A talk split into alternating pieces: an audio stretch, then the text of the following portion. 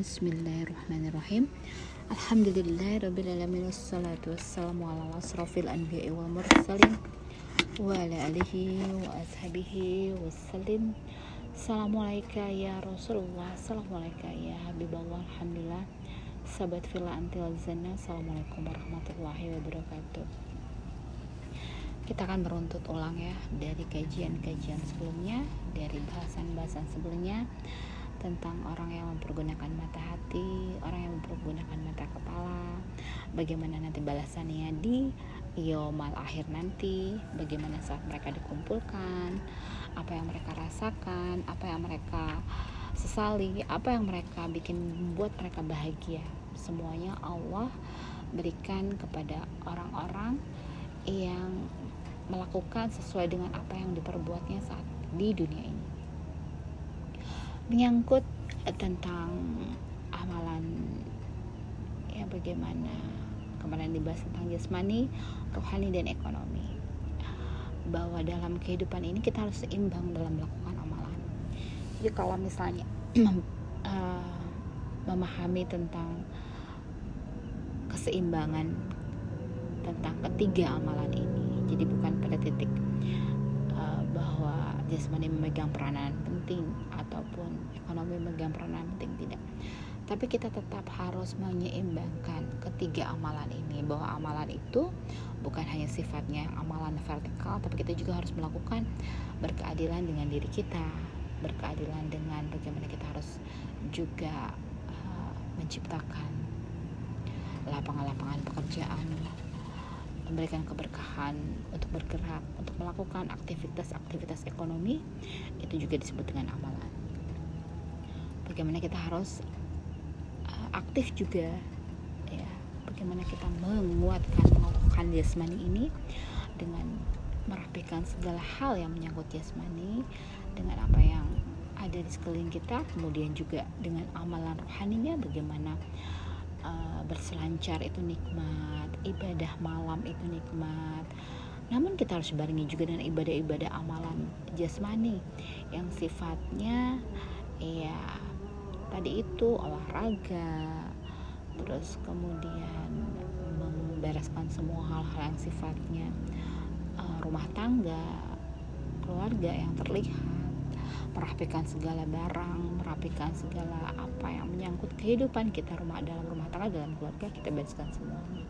Apa yang kita miliki, apa yang Allah berikan kepada kita semuanya kita tata dengan baik dan kita dalam bentuk kita mensyukurinya dengan kita mempergunakannya dengan baik dan semoga yang apa yang Allah berikan ini agar tidak mubazir atau uh, ber, berlebih-lebihan kemudian juga tentang uh, amalan ekonomi. Amalan ekonomi ini ya sifatnya kita tetap harus berusaha untuk berikhtiar. Dalam arti uh, pangkal utamanya adalah rohani bagaimana kita menggantungkan segala apa pun juga kepada Allah dan dan tetap kita diwajibkan untuk berikhtiar. Bagaimana kita uh, pergi berjualan ataupun mengupayakan segala bentuk yang sifatnya uh, perdagangan atau ekonomi atau pekerjaan yang menyangkut untuk sebagai uh, Allah memerintahkan kita untuk ya berikhtiar. Kemudian lagi menyangkut uh, jadi sudah jelas ya bahwa yang dimaksud di sini adalah tentang jasmani, rohani dan ekonomi adalah bentuk amalannya bahwa semuanya adalah adalah sebuah amalan tentunya untuk menguatkan rohani kita. Bentuk amalannya apa pun semuanya adalah tujuan untuk menguatkan rohani kita. Ke rohani kita ini ya bisa bersinkronisasi dengan semua uh, hal sehingga Allah berikan ya kelengkapan kepada diri kita. Apa pun kita upayakan agar kita kuat jasmaninya kuat rohaninya kuat ekonominya juga semuanya itu adalah ada ada ilmunya ada upayanya ada uh, prosesnya yang harus kita jalani. Kemudian lagi kita kemarin membahas tentang uh, pandangan ya. Bagaimana apabila kita mempergunakan pandangan mata hati ya mau kita dalam keadaan posisi apa pun akan Allah bukakan pandangannya. Jadi menyangkut tentang bagaimana kita ini apa pun yang kita lakukan pada saat menyetir ataupun duduk di tengah keramaian ataupun berada di tempat yang um, yang membuat kita bergerak ataupun kita diam saja itu kita harus membuka pandangan kita bagaimana kita memandang itu harus melalui pandangan pandangannya Allah agar ya, seluruh apa yang ada di hadapan kita di belakang kita itu terlihat semua Allah bukakan. Yang sifatnya nggak kelihatan ataupun yang kita tidak ketahui akan Allah bukakan sejauh kita kita memandang. Akan Allah jaga akan Allah apabila kita fokusnya kepada Allah.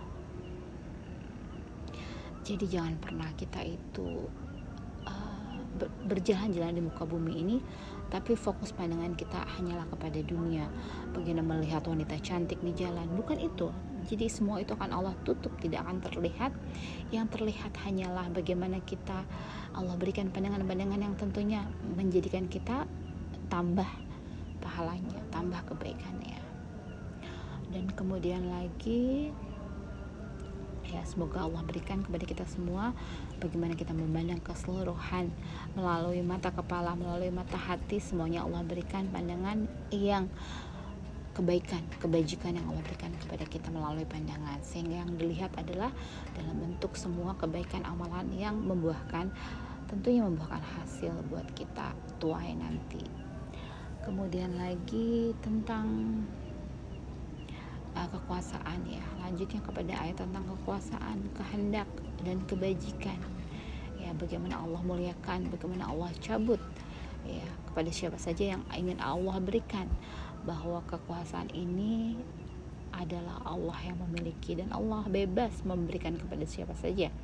Kekuasaan ini bukanlah uh, yang biasa kita lihat ya, yang menguasai pemerintahan atau dunia ini bukan jadi kekuasaan di sini adalah bagaimana yang mengatur keseluruhan kehidupan kita.